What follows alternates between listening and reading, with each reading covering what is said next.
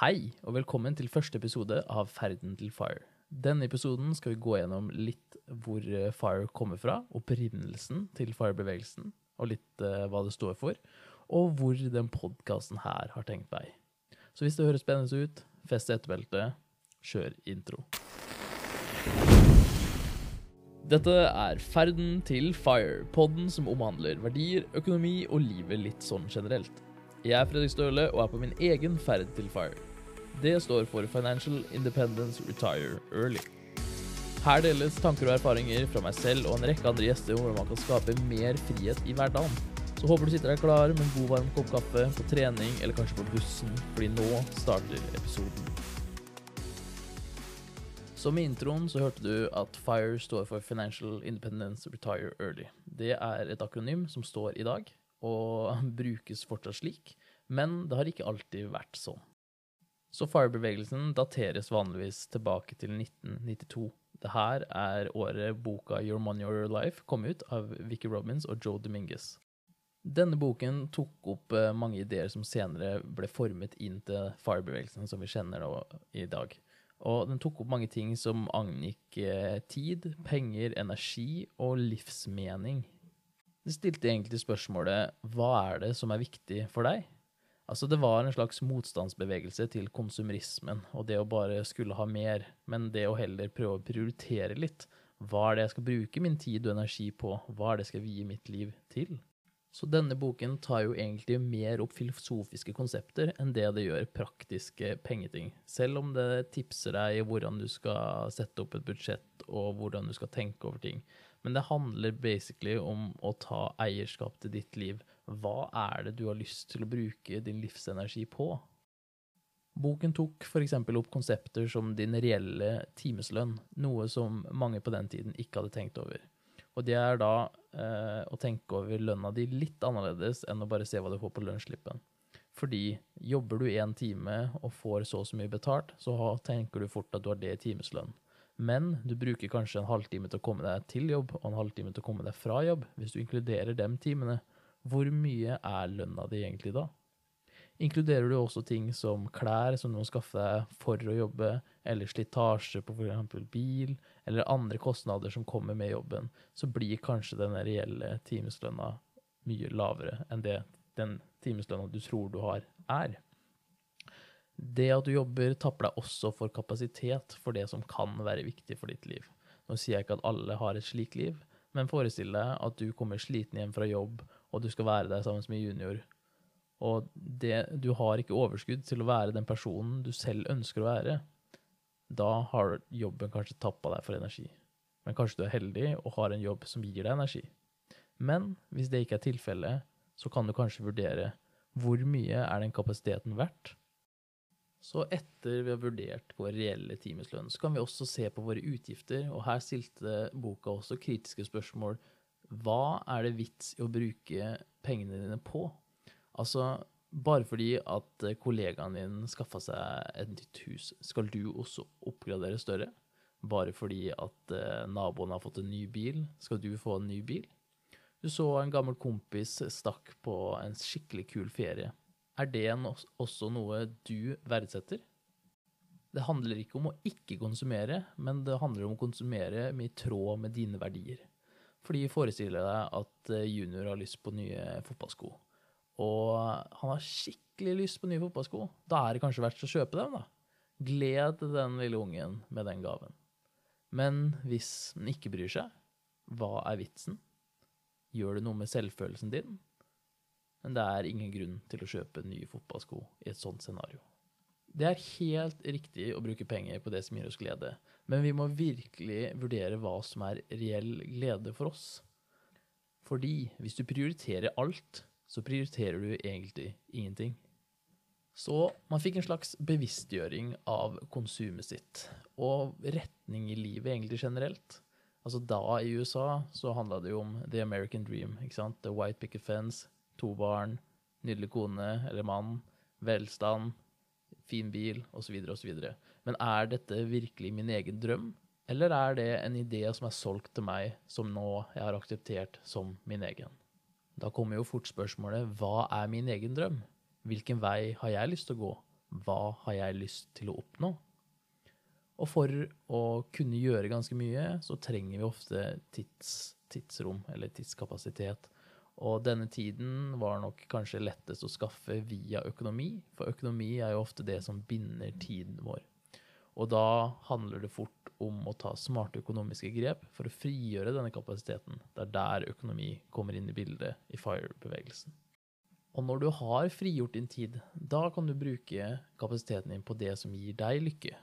Og hvilken retning det er, og hva det er, det er jo veldig individuelt. Så det er jo da helt opp til deg. Jeg har lyst til å lese opp eh, et utsagn fra boka Your Money Your Life, og den går som det her. The key is to remembering that anything you buy and don't use, anything you throw away, anything you consume and don't enjoy is money down the drain, wasting your life energy and wasting the finite resources of the planet. Any waste of your life energy means hours lost to the rat race, making a dying instead of making a living.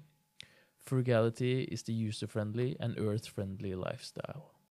På 2000-tallet så tok eh, internett helt av. Da ble det en slags free flow fra informasjon over hele verden. Og på, i 2007 så ble en blogg laget av eh, en danske med navn Jakob Lundfisker som heter Early Retirement Extreme. Her tok han for seg masse ideer, og da noen også som ble ganske ekstreme, om hvordan man skal leve et bærekraftig liv, redusere forbruk, og hvordan man kan pensjonere seg tidlig. I 2010 kom det også en bok ut med samme navn. Fokuset hans var jo bærekraft, og en av de store ideene i boka hans var jo The Renaissance Man, eller renessansemannen, for å si det på norsk. Og dette er da en mann i hans øyne som eh, kan klare seg sjøl, som er selvforsynt, som ikke trenger hjelp fra samfunnet. De skal klare å dyrke sjøl, skal klare å overleve sjøl. Altså hvis det var siste menneske på verden, så skulle han jo egentlig klart å overleve, da, sånn sett. Så med fokus på bærekraft og et lavt forbruk, så bodde han jo også i et nordisk land, altså Danmark, der hvor man hadde relativt høy lønn. Og da var det veldig naturlig for han å få til å spare veldig mye. Dette var egentlig da en sideeffekt, nærmest, av det å leve bærekraftig. Og ved å ha tilgangen til alle disse pengene, så ble det plutselig interessant å regne hva kan disse pengene gjøre for meg? Altså hvor mye er det jeg trenger for å egentlig ikke trenge en inntekt i det hele tatt? Og da begynte den theorycraft-delen, hvor masse interessante regnestykker ble lagd. Og det passa jo supert med at internett var en greie, for da ble jo forum på forum på forum med masse interesserte som eh, regna seg fram til ting. Her kommer jo f.eks. også begrepet sparerate inn i bildet, som jeg tror mange av oss kjenner til, som er adoptert av finansbransjen i dag. I en periode så levde han i USA, hvor han levde i en tra eh, trailer hvor han brukte bare 70 000 kroner i året. Uh, det her er gjort opp til kroner, men det er ikke inflasjonsjustert. Men det er jo en merkverdig lav sum, og jeg tipper mange av oss syns til og med at det dobbelte er veldig lett å overstride i året. Men det at han var så ekstrem, fikk mange til å åpne øynene og stille seg selv spørsmålet hvor mye er det faktisk jeg trenger for å være lykkelig? Hva trenger jeg for å få livet mitt til å gå rundt? Hvor mye kan jeg gjøre sjøl? Så det ble en slags uh, intro til på en måte minimalisme og det å leve bærekraftig. Det var en slags eh, blanding her av folk som var interessert i de feltene, pluss økonomi. Så eh, det blomstret da, av eh, folk som fikk en slags nærmest kultfølgelse da, av Jakob Lundfisker. Jeg har lyst til å dele to utsagn fra boka Early Retirement Extreme. Her er nummer én. For instance, why do we still work eight hours a day, 50 weeks a year, when we're twice as productive as we were 50 years ago. Utsagn nummer two. The question you need to answer is what do you want to do with your life, given that you don't have time to do everything? Do you want to spend most of your time paying down an interest of a 30 year old mortgage and work so you can fill your increasingly bigger houses with increasingly more stuff while being stuck in a daily commute with increasingly nicer cars? Or are you prepared to give some stuff up that you can do whatever you want, whenever, wherever, within reason. Will your legacy be what you owned or who you were? I 2013 kom Peter Aideney på banen. Og han er nok introen for veldig mange som eh, har blitt kjent med FIRE-bevegelsen. Han er også den personen som kom på akronymet FIRE, som gjorde at denne ville flammen bare spredde seg over hele USA. Han er også kjent som Mr. Money Mustache, som han eh, også kalte bloggen sin, hvor eh, han delte økonomiske tips. Han har jo senere også vært med på mange dokumentarer og filmer som eh, du kan til og med se på Netflix. Han er jo da et supert forbilde innen FIRE-bevegelsen han kom jo inn på banen etter nedgangstiden i 2008 i USA, hvor mange så etter økonomiske muligheter. Og han er også sinnssykt kjent for et blogginnlegg som heter The Shockingly Simple Math Behind Early Retirement, som eh, anbefales å søke opp. Jeg kan til og med legge en lenke. Det her kobla egentlig eh, spareraten din mot hvor lang tid det kommer til å ta før du oppnår tidlig pensjon, eller FIRE. Det er jo et veldig grovt estimat, men det er en slags pinpoint retning for å se hva du kunne oppnå. Og når folk kunne gjøre denne hva si, sjablongestimatet, da var det mange som sa oi, shit, det er kanskje mulig for meg òg. Og det gjorde til at eh, flere pyromaner flokka til. Så klart en bevegelse med en catchy, eh, et catchy navn, og, og det at eh, Peter Adeney, eller Mr. Money Mustache, fremma egen lykke, det var jo en suksessoppskrift for å få nye følgere. Og det er veldig interessant å høre på han snakke. Jeg kan også linke til et foredrag som jeg syns er veldig fint, som han har. Fordi han resonnerer seg jo på en måte fram, nå blir det jo spoiler, da, men eh, at eh, egen lykke skapes ved å hjelpe andre. Så for å være egoistisk, da, egentlig, og hvis du har nok selv, så skaper du din lykke ved å hjelpe andre. Og det syns jeg er et sånn vanvittig fint budskap. Og det er også noe jeg liker veldig godt med FIRE-bevegelsen, for vi har ofte et veldig godt forhold til hva som er nok. Og når vi vet hva som er nok, da er det jo bare å gi resten. Så har jeg bare lyst til å lese opp et utsagn som Mr. Money Mustache har sagt. At the core, these fire ideas are simply about taking some solid math, combining it with principles of human happiness, and distilling it down to a list of simple tactics that will get you ahead of all areas of life. The benefits go way beyond money. Så nå har du fått en liten smakebit over hvor Fire kom fra. Og det kan hende at denne podkasten er første gang du hører om Fire, og det er veldig gledelig for meg å introdusere det. Men hvis du har fått det via media, i hvert fall hvis du har fått det via tradisjonell media, så har du nok eh, fått et inntrykk av at Fire-bevegelsen bare handler om unge folk med høye lønninger som bare skal si eh, F deg til sjefen og hoppe av lasset. Men eh, hvis du får det gjennom sosiale medier, så kan det hende at du har et annet syn. Da kan det f.eks. være ta og investere så og så mye i dette nye kryptoen, så kan du bli økonomisk fri for resten av livet ditt. Eller noen andre get rich quick schemes.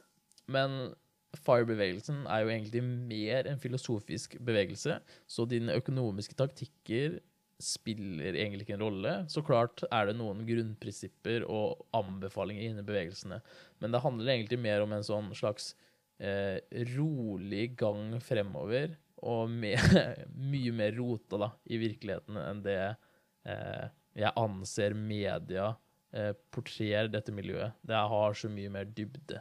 Det kan også bli eh, forenkla til 4 %-regelen, som er eh, en regel fra et studie som heter Trinity-studien. Den skal jeg snakke om i en annen episode. Men bevegelsen er så mye mer Så alt det her høres kanskje ganske idealistisk ut, og det kan godt hende at det er det. Men det er en bevegelse med veldig mange likesinnede folk, eller likesinnede personer, eh, med mye forskjellige meninger. Men de er likesinnede på ulike plan. Så det, det, er liksom ikke én gjeng som tror alt det samme. Det er noen som bonder over minimalisme, det er noen som bonder over inntjening, det er noen som bonder over bærekraftsdelen, osv., osv. Så, videre, og så, så det er et egentlig ganske spredt spekter av folk som er her. Og jeg syns det er ufattelig kult å prate med andre som driver med Fire.